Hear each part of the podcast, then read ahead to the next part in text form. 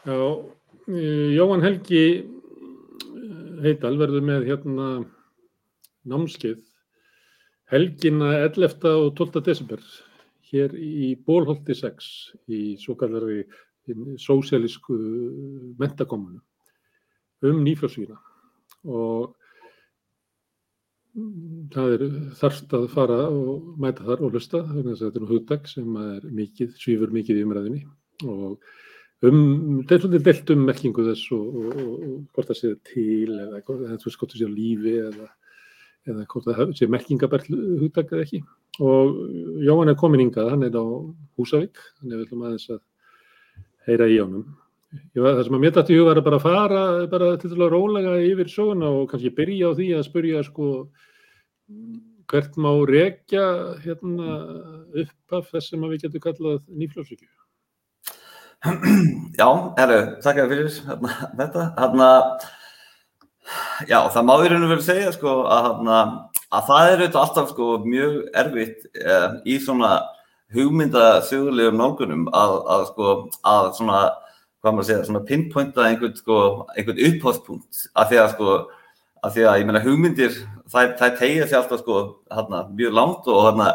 og við sem erum sko í heimsbyggjibransunum að, að þá hérna, við sjáum sko, hérna, vísið af sko hugmyndum sko alveg bara mörg hundruð, sko, þúsund, tvö þúsund ári ábjörn sko, hérna, aftur í sjöðuna, hérna, þannig að já, það er í raun og veru sko mjög vandarsamt að, hérna, að segja svona nákvæmlega hvenar eitthvað byrjaði, þannig að bara svona það sé hægt í huga. En hérna svona mín nálgun allavega á þetta uh, gengur út frá sko að það, uh, já kannski eitt hérna sko, það er einmitt mjög erfitt sko í mörgum hérna tilvægum eins og til dæmis sko ef þú talar um bara ok, frjálslindi, sko hvena byrjaði frjálslindi eiginlega, það er volað erfitt að segja nákvæmlega sko hérna hvena það byrjaði, eða bara svona republikanismi, ég meina byrjaði það sko, þú veist, í fransku bildingunni eða, eða á það sér einhverja lengri rættur en En í sko, tilfelli nýflóksíkunar þá vil ég að minnst eitthvað því meina að það, það er sko, mun auðvildara heldur en, uh, heldur en sko, í, í, mörgum, í, í flestum öðrum stefnum að segja nákvæmlega hvernig það byrjaði af því að það vil svo til og það var, það var sem sagt fundur árið 1938 í París sem uh, kallað er á ennsku eða Walter Lippmann Colloquium eða bara Walter Lippmann fundurinn á íslensku sem að, sem að sem sagt, sko, var haldinn og það var, það var raun og veru franskur heilsbyngur nafni uh, Louise Rosier sem að, sem var fórstuðum að þess funds. En uh, hann sem sagt organiseeraði fundan í París vegna þess að Walter Lippmann, ég veit ekki, sko, Walter Lippmann er kannski svona hugsaður sem í dag er svona að mjög leiti glemtir en á sínum tíma þá var hann helst í svona intellektsjá á bandaríkjuna í raun og veru en hann var svona svolítið svona, uh, svona íhaldsamur uh, svona samfélagsgaggrindi og svona, svona intellektsjá en hann sem sagt uh, hafði nýgefið út bók sem hétt The Good Society á ennsku Þú bók hafði sem sagt nýverið gefin út í fransk, franski þýngu og hann, hann vildi sem sagt svo til að hann var stattur í París hann 1938 og hann að Louis Rousier sem var franska einsbyggur, hann fekk veður af því að Walter Lippmann var stattur hann í París og, og, og, hana, og hann hafði lesið bókinn hans og hann var alveg mjög hrifin af henni. Og þannig að hann, sagt, hana, hann skipilaði þennan fund og fekk, sagt, og hann hafði tengsla uh, net. Og hann fekk sagt, marga helstu fræðimenn, kannski ekki hel, alla helstu fræðimenn í Európa en marga en marga svona uh, stóra og, og á saman tíma uppröndi fræðminn til þess að koma hann að fund. Og uh, þetta er það sem nefnir sko Walter Lippmann fundin og þarna voru sko einmitt, það sem myndi verða síðan síðan með um, allir helstu svona kenningasmiðir nýfjöldsíkurar, kannski ekki alveg allir en svona þeir stærsti eins og til dæmis uh, Hayek á Ludwig von Mises og svo voru hérna ordo-liberalistarnir hérna Rústó og Röpki og, og, og fleiri og þeir koma allir hérna saman til þess að ræða þessar hugmyndir sem að hérna Walter Lippmann setur fram í þeirri bóksinni og já, við höfum nú kannski tíma til að fara í gegnum alltaf bókina en, en það sem að svona bara, ef við drögum það saman, það sem að Walter Lippmann var í raun og verið svona basically að, segja þessar bók var að það var í nöðsinn uh, fyrir að hérna endurvekja sko hérna liberalismann. Að því að aftur þessi fundur átti sér stað árið 1938 og á þeim tíma var sko liberalismin uh, bara svona væga sagt ekki háðum háður bara bæði sko meðal svona intelligentjunar og líka bara almennings að því að á þeim tíma var almennt litið svo á að, eh, að svona liberalismin, það sem kallar svona laissez-faire, svona, uh, svona efnaðsstöfnur já, ég veit ekki, já, kannski ég útskýra það laissez-faire það þýðir sem bara svona hands-off svona laissez-faire efnaðsstöfnur það þýðir sem að ríkið er ekki að skipta sér af efnaðskerfnu og uh, þess konar hugmyndir sko á þeim tíma voru alveg gríðarlega sko hérna litnar mjög neikvæmlegum af því að það var litið almennt svo á að þær hafðu valdið sko kreppinu miklu. Eða í raun og veru bara sko setni heimsildinu og svo kreppinu miklu síður meir og svo hérna já og, og þannig að og síðan til sko svona upplýsni þessar sko alþjóðaðiskerfa sem að voru á þeim tíma eins og hérna Sovjetrikin og uh, auðvitað Þýskaland uh, Narsmanns sem að voru auðvitað uh, svona stærstu og upplýstu Þannig að sko á þeim tíma var, var sérst svona liberalismi, hann var enga veginn eitthvað sem að hana, fólk aðaldist og sérst að Walter Lippmann skrifar þessa bók, The Good Society, þar sem hann, hann sko hann uh, svona færi raug fyrir nöysinn þess að endurvekja liberalisman og hann að Louis Rousier, þessi franski eittbyggur, hann sérst, hann organiserar hann að funda þessum allir sko sem eru svona á saman máli, þeir koma saman og þeir eru sérst að að tala saman og einhvern veginn sko að reyna að finna upp leiði til þess að sko, til þess að hana, til að ja, í fyrsta lagi er þetta bara svona, þetta er svona brainstorming fundur sko, það sem að þeir hana, svona er, já, er svona sammáli og það sem að, það er raun og ekki komið aðneiti sko ákveðin niðurstöða sem fundir fyrir utan þetta bara, hana, að þeir vilja endurveikja liberalismin einhvern veginn en, hana, en þeir hana, kom ekki upp minninnar eh, svona stefnir og veru. Uh, en uh, það mun síðan koma sko síðan mér hérna eftir uh,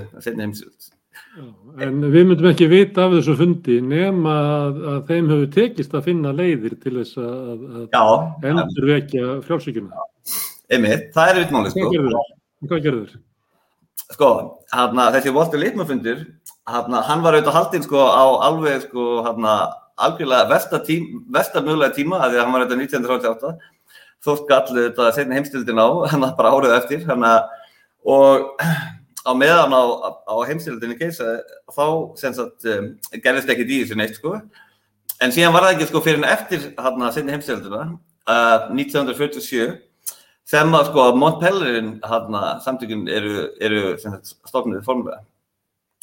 og þar koma saman sko allir helst, all, nánast allir sko sumið sem voru á þessum Walt Lippmann fundi þeir koma saman síðan aftur sko og, hana, og þá sko er sett fram hérna sko ímis og þá er þetta svona sko byrjað að hérna að sko draga saman sko þeist, og komast að svona alvöru stefnumálum og hérna þeist, og svo er komið fram í ímsa sko hérna svona, já hvað að segja, bara svona strategíu sko, hvernig, það er ekki bara sko það að þeir, þeir þetta er svona þetta er, ekki bara svona think tank þar sem að sko þeir bara er að koma fram með einhverju hugmyndir heldur sko er og það er alveg viðkjönd alveg frá byrjun að, að, þeir koma fram með strategi sko, hvernig þeir eiga að, sko, að, að fá hugmyndinni sína til þess að öðlast fylgi sko, og, og influence þannig, þannig að það er raun og verið sko, þannig að Walter Lippmann-fundurinn er raun og verið bara svona vísir að byrjun á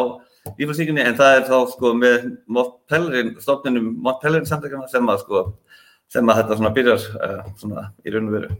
Hvernig virka þau samtök? Hvernig náður hérna, þessum áhrifum í gegnum starfsum þessar samtaka? Hverja tengjaðu inn í það og hvernig starfa samtökinn? Já, það er þess að sko, það er auðvitað hérna, stórt og mikið mál en sko fyrst og fremst það sem þeir áttu þess að að það er sem þeir þurftu að gera til þess að sko ná hérna svona uh, áhrifum og, og svona útbreyðsli hugmyndu sinna. Það var sem þetta að stopna sko svona transnational uh, svona network Og, um, og það er eitthvað sem þeir voru alveg sko rosalega aggressífur í sko, að, að, að stopna sko svona, eh, svona, hum, svona hugmynda, eh, hugsanaveitur, svona think tanks eins og það kallar, sko um allan heim þvist, sem höfðu alveg sko mjög sterk tengsl og, hana, þvist, og þannig að þeir svona hjálpuðu okkur öðrum og voru alltaf í endalega tengslum og, hana, og þannig sko náðu þeir að, að breyða út hugmyndið sína. En annað sem að þarna auðvitað er ekkert síðan mikilvægt og er jafnvel sko það allar mikilvægsta er að alveg frá byrjun þá voru þessi samtök alveg gríðarlega vel sko hann að þau voru gríðilega vel fjármynglu.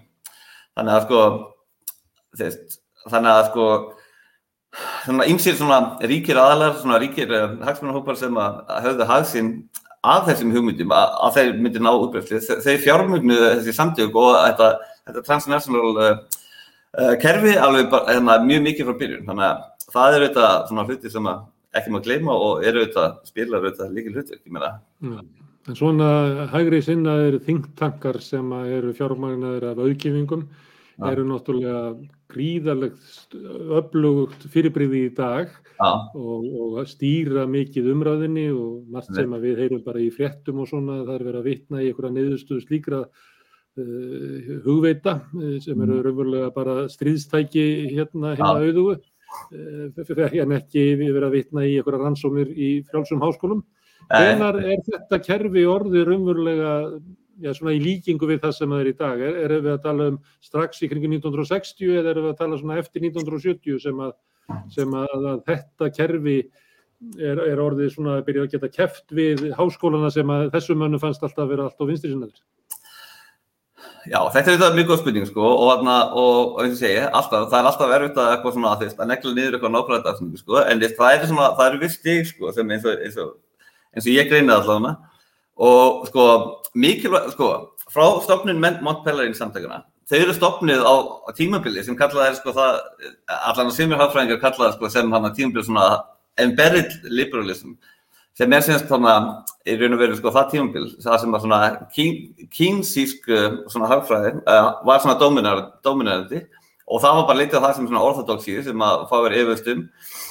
og, og það er sko almennt litið núna svo á sko að það tímabil þetta, þetta sko embedded liberalism og það endaði sko árið 1972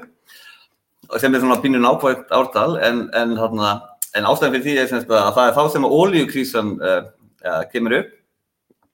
og það er einhvern veginn sko margar hérna endalók svona hins óslitt hins hagvakstar sem hafi verið sko frá hérna lókum setni heimstildana og þetta var svona pínu sko svona reyðarslag einhvern veginn. Og, og þá einhvern veginn svona áttu áttaði menn sig á því að, að bara svona þess að þessi svona þessi gullöld kapitalism hún var einhvern veginn svona leiðindi lók því að þá kom hérna lóksins krísa sem hafi einhvern verið síðust áratí og þá einhvern veginn sko þá fyrst einhvern veginn sko opnaðist svona rými fyrir aðra hugmyndir sko og hérna og, og, hérna nýfrálsíku hugmyndir þessar hugmyndir þessar sko nýfrálsíku hérna kenningarsmiða eða, eða hérna svona teorista að þá einhvern veginn sko þá fyrst einhvern veginn sko fara þeirra að færa sig frá sko bara svona jæðrinum eins og þau höfðu verið svona yfir, meira og meira svona yfir í mainstream. Þannig að sko það eru það eru einn uh, þáttaskilum Það er ekki hagfræðingur. Hérna, hérna uh, ólíukreppan uh, hérna, þegar hún kemur og, og eftir fylgir sko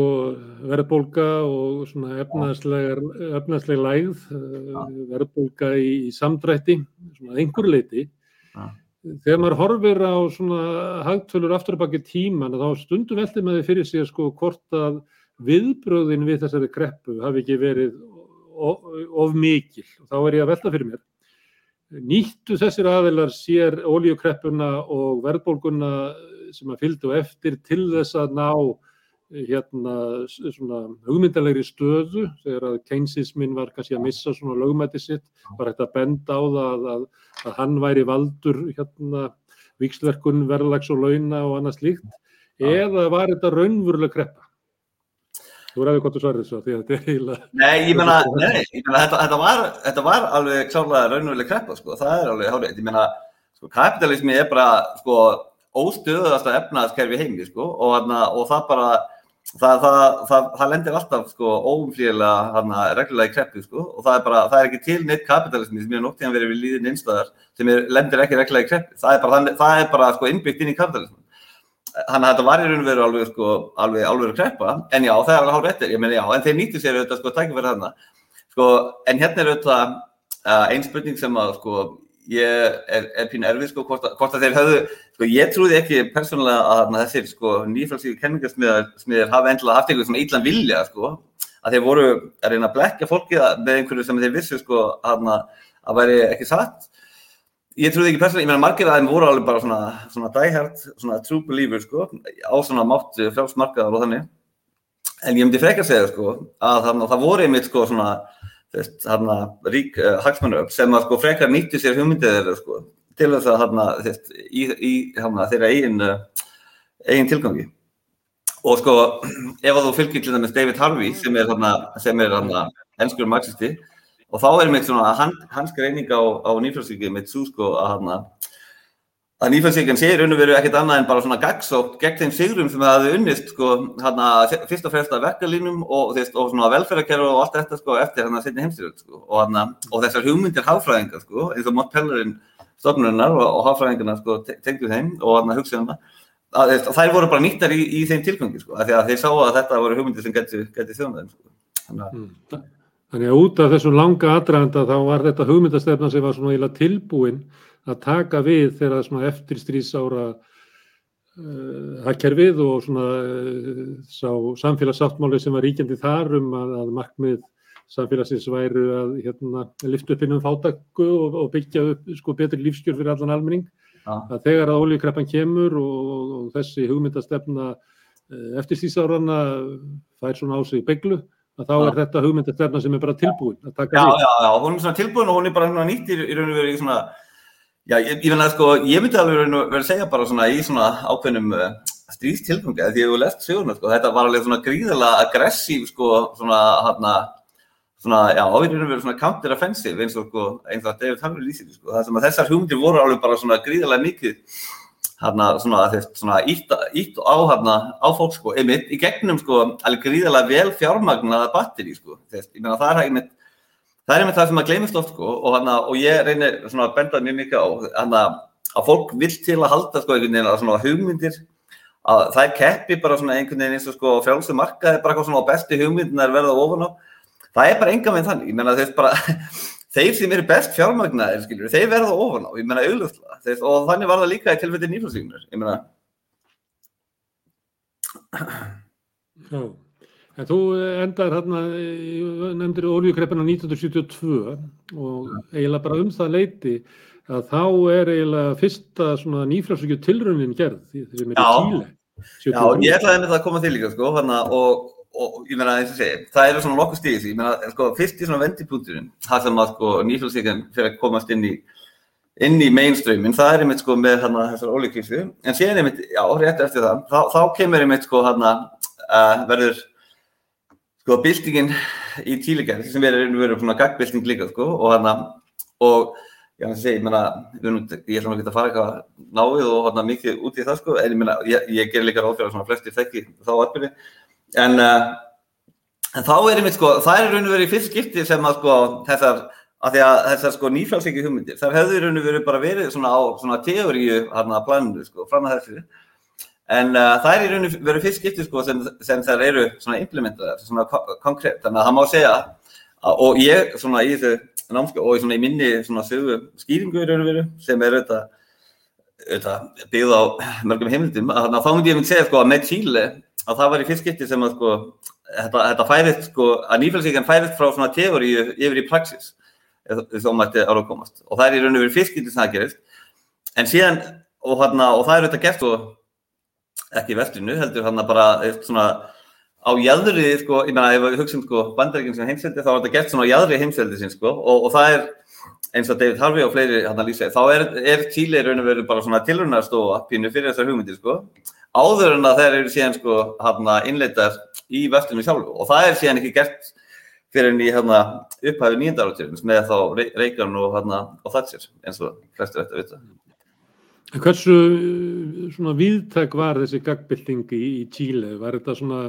svipað og gerðist eftir uh, fall Sovjetríkjana í Rúslandi og Östur-Európu þar sem allar eigur almennings voru bara engavettar og, og reys upp svona ólíkarkismi eða eða voru þetta kannski vægari tilrunni sem voru þar um, um Nei, nei, nei, nei, nei, þær voru alveg hrikalega brútal sko og, þarna, og það var ekkert sko einmitt og þessna einmitt sko er, er, er til einmitt sko þarna einmitt uh, greint sem sko tilrunni sko, því það var ekkert verið, af því að þar gáttu, ég meina eins og flesti viðkvæmst ekki sko, þessi vest, sko háskólan hann í Tíli, hann hafði sko mikil samband við hérna Chicago háskólan sem er einmitt svona einn af mikilvægstu skólum uh, nýflarsíkunar og það var bara svona, í raun og veru bara svona revolving door policy á milli, sko, hann að milli, þannig að sko vestræðinni hagfræðingar frá Chicago skólum, þeir alveg gengu hann inn í bara ofnbæra stöður hann í Tíli og, og þeir mæltu með sko hann að endaless af þessum stefnu sem við þekkjum síðan uh, mjög vel í dag, en það, það voru innleitar alveg á miklu harðari og miskunnulegsari hátt heldur en við áttum að, að vennast uh, í vestinu, þannig að og, þa þannig, og, og þetta er í raun og veru eitthvað sko sem að, eins og sé, ef þú hérna sko, lest, eins og David Harvey og fleiri svona marxista sem hugsa sko hlutina svona út frá svona imperialisma líka að þá er þetta bara eitthvað svona standard uh, praktísk líka sko, bara svona því hugmyndir eru prófaðar sko svona á jæðri heimskiptu sinn sko og til að sjá hvernig það virki. Er með mun svona á mun miskunnulegsari hátt en síðan er það innlættari á mun svona mjúkari hátt sko þess þannig uh, í vestunum sjálfu þannig að alveg klálega. Og komin til svona þess tíma sem að flesti tengja við svona strömmkorfin, það eru 79 og 80 þegar að hérna Thatcher nær völdum í Breitlandi og Ronald Reagan í, í Bandaríkjónum. Hvað hérna, hvað, hvað veldur því að hérna Er það vegna, það tók það svona langan tíma fyrir svona eftirstýrsára samfélagsáttmálan að rakna upp frá 72 til 1980 og áttan sér enga von, er þetta óhjákvæmilegt að, að eitthvað hljóta taka við? Já, ég meina það er þetta sko mjög góð spurning og ekkert eitthvað spurning sem að sko ég hef endilega svona nákvæmsvarfið sko, ég meina það er þetta, þetta er þetta sko að, greina svona stjórnlega afbrið, ég meina það er þetta margir faktorar sem koma þann inn í sko, en ég meina í tilfelli Reykjans þá var þetta sko Jimmy Carter sem reyndar í dag hann hefur fengið svona aðeins eh, svona jákvæðari sko svona sínheldurinn á þeim tíma. En ég meina á þeim tíma var sko hann Jimmy Carter bara almennt talin vera algjörlega vonlegs uh, fórseti og hann og, og, og en ég meina það var auðvitað líka sko gríðilega mikill eh, áraðu gegnum ég meina vel fjármögnum svona hæri stjórnmálskýrindum og þannig ég meina og það skýrir einhverju leiti sko þarna uh, sko svona upprýðsið Reykjans og uh, í tilfelli sé, ég meina og þetta er mjög góð spurning, ég meina að tíðarlandin sko, þetta var, ég meina það, maður verður, maður getur ekki einhvern veginn uh, hort fram með því að, að þetta var einhvern veginn svona tíðarlandi líka. En sko, en ég myndi samt segja að, uh, að svona þessi sko, þessi svona velfjármagnaði áróður svona hægrið sinn sko, sem bóða eitthvað algjörlega nýtt sko, ég meina hann, hann hlýtur að hafa haft alveg svona afgerðandi áhrif í því að tíðarendin varð þannig skilju og sem að gerði, gerði þeim kleft að þarna, ja, sem gerði þessa upplýst þeirra kleft sko, ég myndi segja það. En, um, en annars er þetta á sami tíma sko, það er ekki bara eina ástæðin, ég meina það er þetta, það hafa margt í gangu þessu tíma og, og, og þannig sko, þannig að, það já, ég meina. Ég ætla ekki að hérna, draga því kannski frá hérna, efni, efni fyrirræstrafinina en En spilar inn í svona breytt svona manngildisugmynd, það er hérna, Já. ég veit að þú þekkir Adam Curtis sem hefur búið til mjög skemmtilega reynildamindir, hann Já. gerir svolítið mikið úr svona pólitísku vonbröðum hippana, þeir hafa ekki náður umvel að pólitískum hérna, árangri, að, að menna að Ronald Reagan mætti þeim að mikilvæg hörku og sendi á það þjóðvarliðið og Já. svo líka leistist þess að þeirra reyfingu upp í svona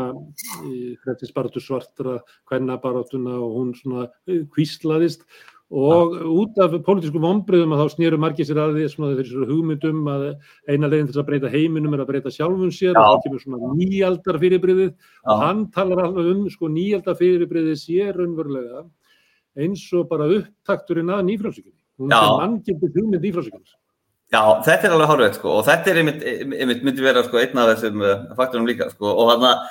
og ég meina, já, ég sko, ég, hann að persónulega er að samla þessu sko, bara svona þeist að þessi sko heipa hann að tímbilið og, og byltingin sko sem snerist einmitt um svona þeist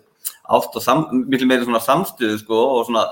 og þannig hugmyndir sko að hann að það er hann að býða síðan sko einhvers konar skipbróts og hann að þessar sko nýfalsíku hugmyndir að þær tala mjög mikið sko sem bóði mig sko alveg svona mjög rótækja einstaklingsíku að það tala mjög mikið inn í sko inn í þetta svona veginn hérna, svona hugafag sem var alveg svona jarðvegur fyrir sko. Þannig að síðan kom, kemur þetta og þannig að, þannig að ég myndi segja að það, skýrir það alveg mjög vel að, að, að, þess, sko þessar hugmyndi fengið sko svo mikið breytingi á þessu tíma. Og ég, meina, og ég myndi segja sko það að besta dæmið um þetta er einmitt sko hérna Foucault hinn frægi franski uh, heimsbyggur sem að sko var í raun og verið svo fyrsti til þess að, svona, að hana, greina nýfljóðsíkuna og hann gerði það alveg mjög snemma, bara hann í fyrirlutunum sínum sko frá, það var frá 77 til 79 eitthvað þannig sko, þegar, þegar sko nýfljóðsíkan var í raun og verið bara ennþá svona fæðingu og hún var ekki byrjuð að sko hann að byrja að implementa hann í vestunum svona konkrétt, hann bara, hann byrjuði sko greiningu sína á bara svona rítum uh, helstu svona uh, hagfræðingarna sko í Chicago við Ginni-skólunum og hann, hann greindi til dæmis mjög mikið sko rít uh, Gary Becker sem ég mun sko tala um í námskeiðinu og af því að mér finnst hann vera sko einn einn svona líkill uh, hugmyndasmiður nýfasíkunar uh, en hann er samt einhvern veginn svona sko ekki eins vel þekktur og, og, og, og Friedman og Hayek og fleiri. En, en allan að Foucault hann greinir sko nýflýsíkuna en hann greinir hann að sko ekkert endilega á neitt neitt neikvæðan sko. Hann er ekkert að gaggjurna sko þetta móti sko ef við lest greiningu hans þá er hann í raun og veru meira bara hann er, hann er svona pínu heilaðaraðunni sko og hann að og, og, og, og já þannig að sko þú veist ég, ég mér finnst ekkert einn sko dæmið hans sína fram á sko bara betur en nokkuð annað bara hversu mikill jarðvegur var fyrir þessum hugmyndum á þessum tíma sko. Þess, það var einmitt þannig að mikil markaður sko með svona smá írumíu fyrir eh, einhvern svona rótækum einstaklingstingi hugmyndum á þessum tíma. Þannig að það skýrir alveg sko uppreyfsir nýfræðsvíkunar eh, alveg, alveg þarna. En það er eitt faktor í, í skýringunum líka, alveg kláðar. En það er hugmyndir koma einna að skýrast fram hjá Ian Rand sem að nýfræðsvíkumenn á Íslandi til dæmis þýða bækunarennar og, og ég held að það bara gefi stúdundu þar. Það er hérna, ég hef náttúrulega gett náttúrulega rannsóna á því en eiginlega alltaf fyrir ég kem heim til svona fólk svona, svona sem hefur verið í háskólanum er undir færtut og ég renni við bókaskápin þá sé ég alltaf ægjan rand. Það er bara þeir, þeir, þetta er bara eins og hérna ég er bara eins og rauða hverju á sjöta áratögnum eða bara biblían eða eitthvað þetta er bara til í öllum heimilum ungsfólks hvaða, hvaða máli skiptir hún í sambandi við það að slá inn svona hvað við segja, svona manngildis hugmynd úldra einstaklisíkjum Já, hana, þetta er góð spurning. Og, hana, og ég muni mitt sko í námskæðinu að ræða Æn Rand og ég vona bara sem mest sko hana, því að ég, hana, ég sko hef mikið áhuga á, á Æn Rand í raun og veru, hún er mjög áhugaverð og hérna sko ég myndi kannski ekki segja skemmtileg fíkur og heldur, hérna nú ætla ég bara að vera fullkominn henskil, sko hérna bækunar hennar og ég hef lesið sko bækunar hennar hérna frá bara spjaldanum milli og þær eru bara einhverja þær bestu sem að hafa nokt tíma að skrifa það er bara, ég meina ef þú hefur einhver, einhverja tilfinningu fyrir svona fagfræðilegum gildum og einhverjum svona bókmynda einhverjum svona huttum, þá bara eru það bara hérna, með því allra versta sem til er sko. en, en þarna en það sem áður að þá sko er mikilvægi hennar í sögur nýfjölsíkunar eins og ég sé það samt að sko á þess að hún náði að breyða út einmitt sko þessar ég meina sko við sem hafa í huga Ayn Rand er ekki hluti af sko nýfjölsíkunni á þeim á þann hátt að þannig að hún var ekki hluti af sko Walt Lippmann-fundinum eða Matt Pellerin uh, félaginu eða neitt þannig. Þátt fyrir að sé hann síðan mér og þá var hann í miklum breyðarskiptum við Ludvig von Mises og þessar nýfræðsvík kenningisminni því þeir voru það hrittnir af hugmyndum hennar. Og ástæðan fyrir því er hérna ekkert volað döllufull það var auðvitað að bróta því að hún náða að breyða út þessar hugmyndir sko hún, sko, hún það var eitthvað orðað þannig að hún sko, svona, er svona menningarlegi fronturinn í sko, hana, þessu nýfrálsíkju áráskilur á af því að hún náða svona popularisera þessar hugmyndir sko, og á, á alveg sko gríðarlega effektívan hátt, út af því að þessar bækur eru gríðarlega vinsælar eins og þú ætti að lýsa. Og þetta, þetta nær bara til sko endarist mikið fólk sko, og þess, ég er með þess að með hérna Sko, og bara sérstaklega sko í Hollywood, meðal svona Hollywood þarna uh, celebrities, þeir, bara, þetta fólk er bara upplega hópað einhverju sko Ayn Rand þarna, einhverju aðdæðandur og þar maður nefna sko Brad Pitt og Angelina Jolie til dæmis, þau voru lengi vel sko að reyna þarna að kvikmynda allar srögt og, og, og þarna það er enda gekk upp fyrir, en, en það var eitthvað svona, svona ástriði projekt hjá þeim sem var alveg heilingi á dögunni og eitthvað og bara endalast mikið hana, celebrities bara, og bara ótrúlega fólk sem að, sem að hana, uh, svona fólk sem að þið myndi alltaf ekki huga að væri einhverju einrand aðdöndir eru það. Og, og ég menna og þá er það bara sko einhverju svona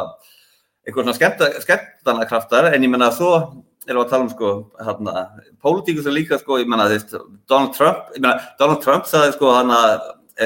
hann bara heikir sér af að, að lesa ekki bækur en hann sagði einu eina af sko fá bókunum sem hann hafi lesið skilur og væri bækur Ayn Rand og hann var hrifin að henni skilur þannig að ég meina og þú veist og svo veit ég Alan Greenspan ég meina Ayn Rand í raun og veru sko hérna var, og ég meina og þetta er ekki náttúrulega íkur, ég er ekki að segja þetta svona neikun átt, ég meina þetta er bara svona faktísk uh, lýsing á, á málunu, hún var líka á sama tíma einhver svona köld leitói sko sem var með svona sinn innsta hring og Alan Greenspan var uh, að hluta því og hann var þetta síðan Sæðalabankinskjöru bandaríkjana hann að fram af hrunnu uh, 2008 þannig að, þannig að sko hún hefur haft gríðilega mikil áhrif sko, þannig að bæði menningarlega og bara svona pólitísk sko. og hugmyndinar eru sko eins og segja, ekki sko beinlinis, hún er ekki sko bara endilega að hana, halda fram svona bara kennisetningum sko Mark Pellin félagsins og Milla Friedman en hún er meira svona, þú veist, fellow traveler, ég meina hún heldur fram þessari rótækri einstaklingsíkju og hérna svona, og bara svona ekstrím svona anduð á allan sósialismu sko sem er eitthvað sem hún hafið í mitt samvegleitt með þeim, þannig að þeir voru, já, þannig að þeir komu svona saman í svona í svona þarna sameinlu svona projekti í raun og veru sko. þannig að, já ég vona að þetta, þetta svarar spurningu. En ég geti talað sko endalit um Ayn Rand og, og, og það er einn planið á mér hérna í þessu námskeið.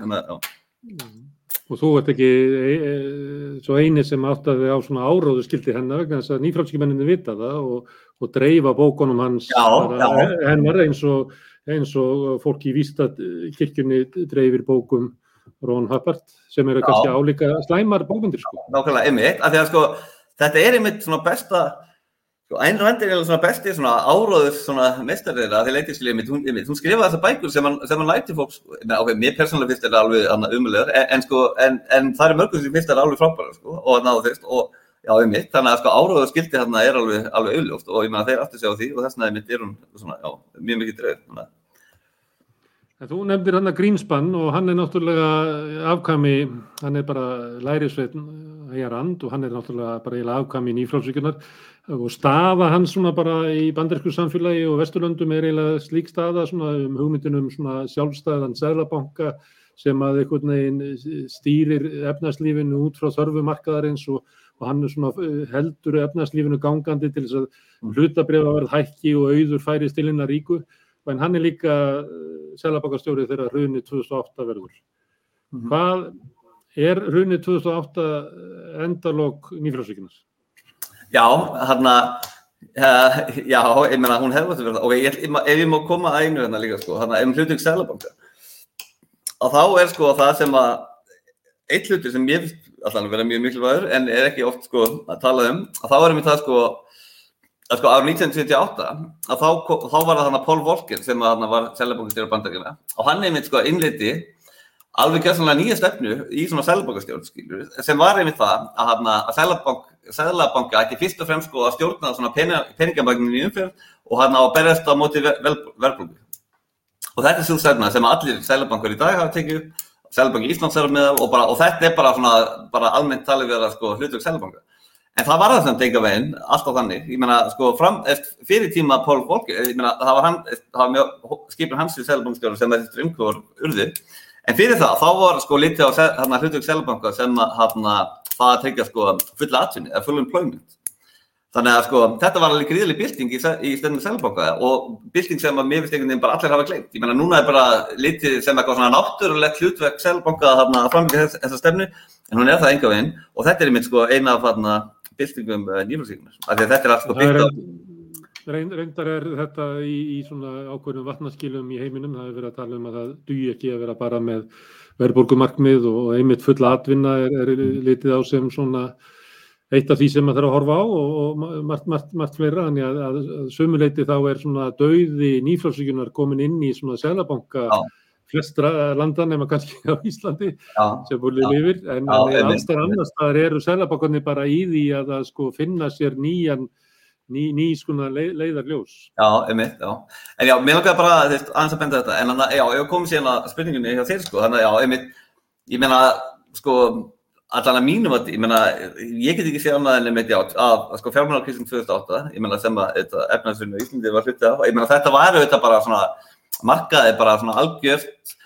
gjaldþrótt, sko, þessar bara svona umhundafræði og svona efnaðastefnu, ég meina, þetta er kannski svona svolítið flagnum bara, en ég lít sko sem þetta á nýflagsíki sem, sem sko svona tvíþætt eh, fyrirbæri sko, það er í fyrsta lega svona stjórnmála hafðfræðstefnur og svo er það sko hugmyndarfræðilega sinn en, hana, en ég menna, já, ég menna þetta markaði bara algjört sko gjaldrótt eh, bara, bara hérna begja þessa hérna uh, liða þessa fyrirbæri, ég menna en já, en síðan sko eftir, en samtíður hún sko haldið lífi, ég menna, að því að sko, það er pínu ávæg, ég meina, ég man mjög vel eftir þessu tímbili og hérna, og þetta er raun og verið sko líka eina ástæðin fyrir því að ég hef svona mikið áhugað efni, að því að, að því á þessum tíma, ég meina, ég var auðvitað bara í háskóla á þessum tíma og svo fór ég í mastersnámi í Kaupmannöfn og, og svo verið ég útskrifast þarna um sko, uh, útskrifast í 2012 og svo bara einhvern veginn sko, hérna, að því að sko, fyrst eftir fjármálakrísuna, þá kom alveg gríðilega svona innspýting sko, hérna, fjármálags inn í fjármálakerfi til að halda þið á lífi. Og þá var ég mynd sko, það var hérna á New, Newsweek á tímbili bara svona We are all socialists now og, og hérna, þá var einn eins og svona rótækar hugmyndir í gangi sko, til dæmis hérna, hérna sko, í búsaldabistingunni svo kvöldu en síðan einhvern veginn sko bara einhvern veginn lokaðist glukkin fyrir þetta og, hérna, og þá var ekkert annað sko í bóði vittist vera heldur en bara sögum með gömlu sko uppskiptnari og, og, og ég meina og sérstaklega sko einhvern svona brútal niðurskurur og ég meina ja, austerity politíkin hérna að fræga. Og ég einmitt sko hérna var í Danmarku á þessum tíma. Og þegar þetta var svona innlegt alveg á brútal háskó og svo útskrifaði þennar úr háskólanum og og það var verið að skera allt niður í háskólanum og, og það var, var gríðilegt atvinnleysi sko, með lungsfólk, það var hverkið hægt að fá vinnu og, hana, og það var verið að bóða allar svona, svona prekariat stöður, skiljur, þetta svona gríðilega atvinnu óryggi og einhvern veginn, og þá einhvern veginn svona bara fór ég að líti kringum mig og bara svona, svona hvað er á segði þetta, og, og, og það var þannig einhvern veginn sem ég fekk svona dýpri áhuga á sko að stúdira nýflagsíkju og svona sögu hennar og hvernig í raun og veru við bara komst á náttúrulega stað, sko, ég menna, að þetta er einmitt uh, mjög meðklægt, af því að síðan hafa það bara hugmyndir að haldið áfram, eins og segir, í svona zombie formi, það er margir sem kallar þetta svona bara zombie hann að neoliberalismi í dag. Og það sem er átt við með því húttæki er það að þessar sko, hugmyndir eru allar ennþá bara alveg mikið við líði og hann áður, en bara eini munun er sko að allir hafa mist trú á það. Það er trúið í enginn að þetta munir leiði til betra samfélags, nýðskurður, engavæðing, sko, einstaklingshyggja og, og hann að þar höfum til göttunum en einhvern veginn, það er bara, það er endalist bara haldið áfram að, að dæla þessu út vegna þess að, ég menna, ok, á hvers vegna nokkulega, ég menna það er þetta svona einsast skoðunir upp um það, en ég myndi að segja sko að, að það er bara, að það, það er bara skortur á sko, hérna, annars konar hugmyndafræði sko, annars konar, hérna, annars konar, stjórn, annars konar stjórnmál hérna hafðfræðstefnum sem eru byggðar þá á einhverju sko alvöru hérna hugmyndafræði sem fólk getur uh, svona tilhengar þér, ég menna, Við, við erum þá á rángri leið og við vitum það en, en við getum ekki komið okkur saman um hvert við hefum að beigja og ekkert okkar hefur auðvitað kjark til þess að taka í stýrið. Já, já, í raun og veru, já, ég myndi, já, ég myndi segja það, ég myndi, ég myndi segja það svona, en ég myndi að auðvitað sko, ég myndi að svona hinnum, svona, hinnum svona ríku hagsmennu öflum í samfélaginu, þeir hafa þetta hæðsinn að því að halda þessum stendum áfram, af því að þeir, að því að þau hafa sko, hérna, svo sannlega notið góðsæðum og þau eru eins og segja ennþanda í dag eins og tímum Mont Pelerin uh, félagsins stofnum þess uh, gríðarlega vel fjármögnu þannig að það er auðvitað sko, einn ein hluti af ástæðan líka. Ég menna það er volið erfitt fyrir hana, fólk sem er, hefur lítið sem ekkert fjármögn en kannski mjög, aðra mjög sterkar hugmyndafræði að berjast gegn sko, hana, veist, einhverjum svona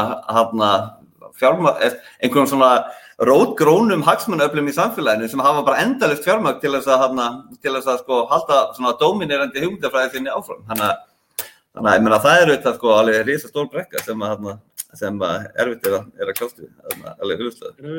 Við reynum að átt okkur á því sko hvaða áhrif nýfrálskan hafði á Íslands samfélag og kannski samfélag í Vesturlöndum. Ah. Þá eins og við vorum að tala um áðan að þá kemur hún sem svona ansvar við stöðnunum á 8. áratögnum sem að, að sjúkdómsgreiningin var að sko víkslverkun launa og verðlagsmyndi bara spinna upp verðbólgu og mm. minka þarlandi fjárfestingu og draga úr afli, afli hérna, samfélagsins. Og leiðin væri svo að, að minka völd verkefælisfélaga og bæði Thatcher og Reagan og og raunverulega Íslands stjórnvöld líka fara út í það, það er sett, hérna, held ég að verið 96 eða 7 sem er sett ný vinnulögjöf sem að draga úr valdi verkefnsfélaga þótt að þau séu ennþá meiri á Íslandi heldur en viðaskvar annar staðar mm. og það er að flytja ákvarðanir, þú nefndir uh, Sælabákastjóra bandaríkjana 78 sem að sumuleiti flytja svona ákvarðanir um sko peningamagn og annað slíkt frá uh, pólitísku markmiðum um fulla atvinnu yfir í svona markaslegar hérna, vendingar. Það má segja ákvörðun sem flutt frá svona líðræðisvettvanginum Mhm. og yfir á, á, á markaðin og það, þetta er gegnum gangandi stef að í nýfrjálsökinni að það er dreigið úr völdum e,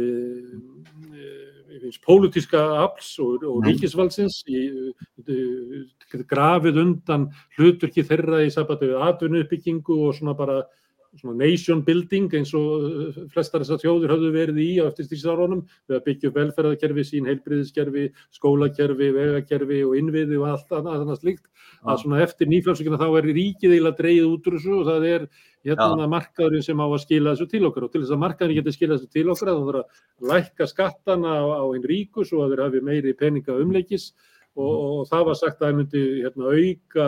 velduna í samfélaginu og raunverulega ríkisjóðu stæði betru og eftir en, en það gerist ekki svo að það var ákveðið að, að hérna, það þurfti þá að, að hérna, selja ríkisegnir sem voru sem betur komnar í höndunum á hennum ríku heldur en á, á ríkinu eða hjá hennum kjörnu fulltrúin sem fóru ítla með, með valdsitt Mhm. og, og, þegar, það dögði ekki til að það var tekin upp gjaldtaka fyrir opibyrra þjónustu og það var réttlætt með því að það væri umlega skinsamlega, það væri skinsamlega að reyka heilbriðis og mentakerfi bara eins og business, það sem væri gjaldtaka, kaupandi og seljandi eins og væri þurfu að kaupa bakaða bönir eða eitthvað slíkt og þegar, þegar það gekk ekki þá voru hækkaði skattar á eina verðstötu og, og þar fram eftir göttunum. Já. Megin, megin, megin stefið í þessu er að það veri að flytja völd, Mhm. eignir, auðlindir. Og fjö frá almenningi og samilega vettvangi sem að við höfum til þess að byggja upp samfélag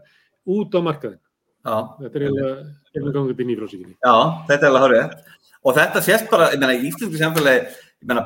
bara svona besta, sko, dæmið sem er mér eftir í hug, sko, hérna núna, og sem er bara, sko, mjög komist, er einmitt, sko, þegar, eins og ebling, þegar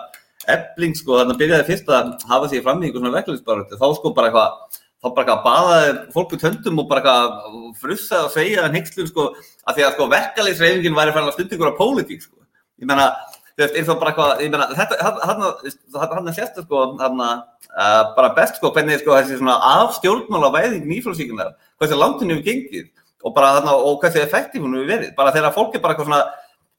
getur farið að gaggina, sko, hann verkefliðsreifinguna fyrir að vera pólitíska, ég meina, eins og, eins og, það- og eins, eins og það sé ekki bara fullkomlega augljóst og sjálfsagt að hún sé það, sko, meina, en nei, þeir voru, þetta er einn breytingin,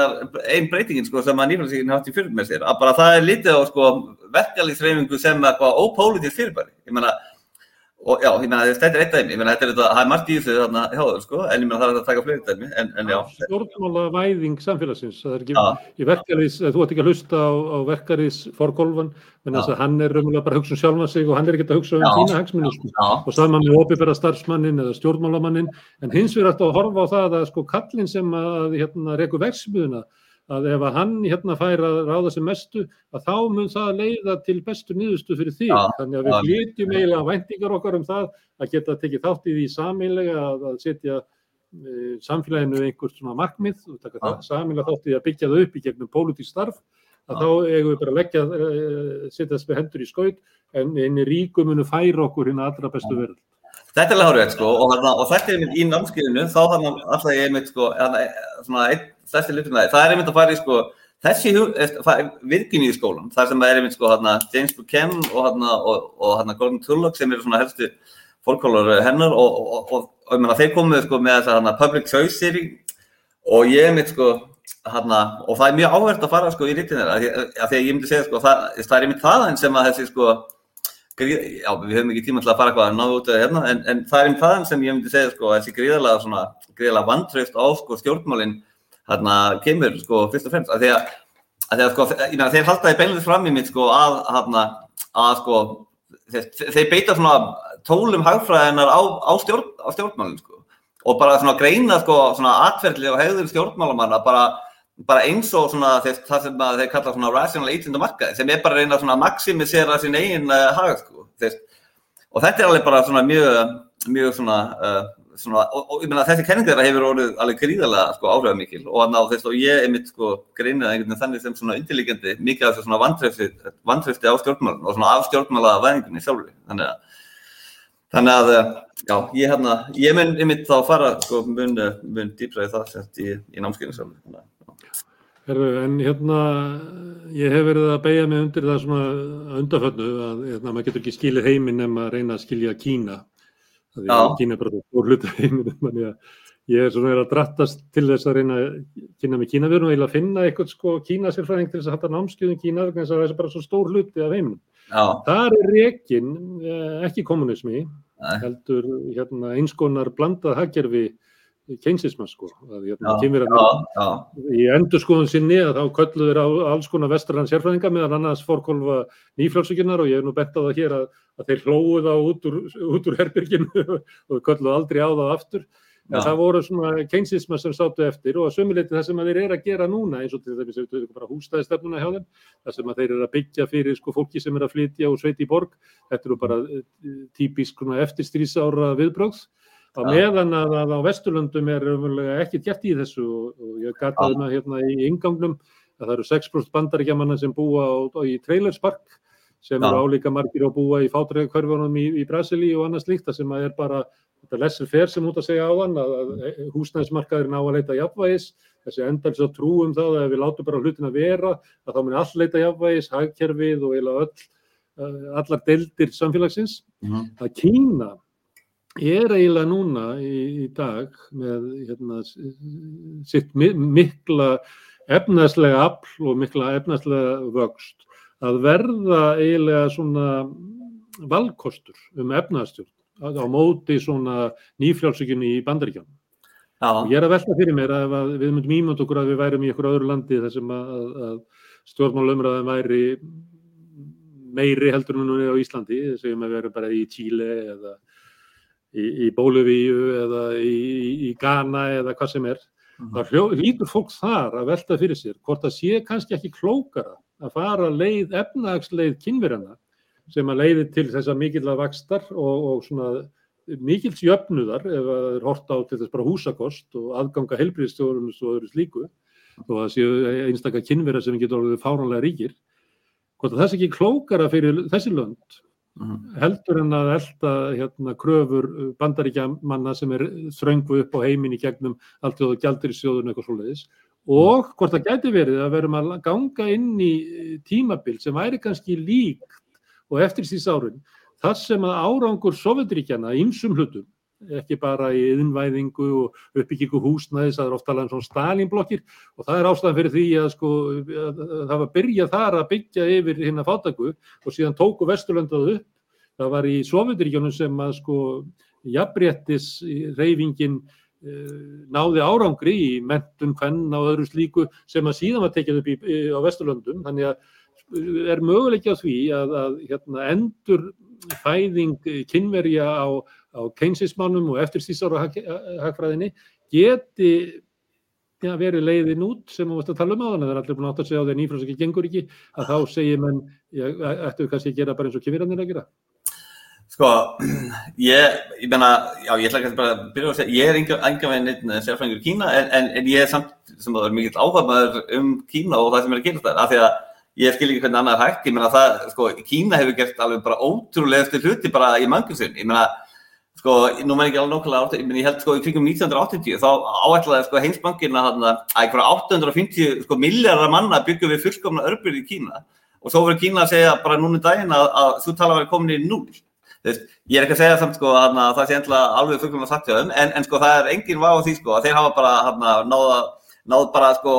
sko ekki bara fáherðum árangri, við erum að tala um sko bara árangri í að útrýma fátækt eða bara svona bæta lífskjör sem er bara, þú veist, engan sinn líka í allir mannkunnstunni og það er bara sko, hana, það er bara, það er bara staðinn.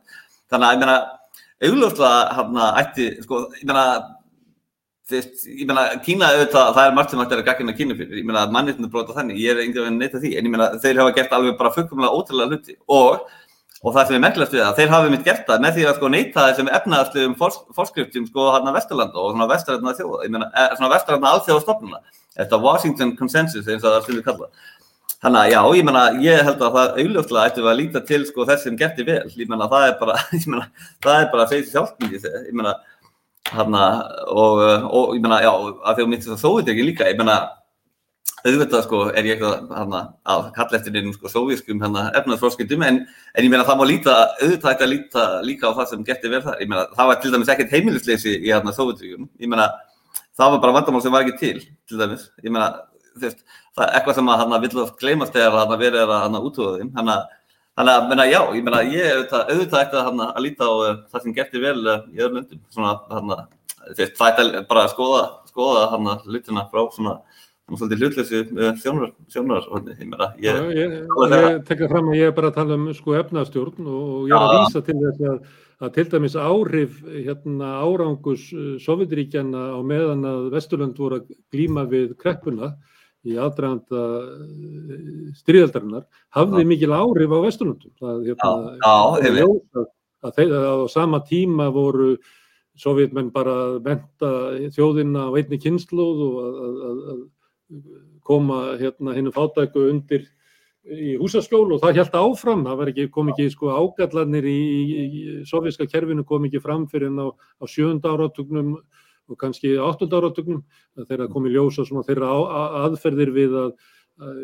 mæta sko neyslumarkanum að það, það, er, það er virkuð ekki og, og, Já, og þá kom ágallanir í ljós og þetta mun okkur ágalla koma í ljós í Kína. Ég hef bara veltað fyrir mér að hvort að sko fyrirmyndin eins og þú ert að benda á Mm. að, að, að það til dæmis eh, 1980 voru 20% kynverja sem að byggu í borgum að nú er það komið yfir 60% og regnað með að vera 70% 2025 þetta er náttúrulega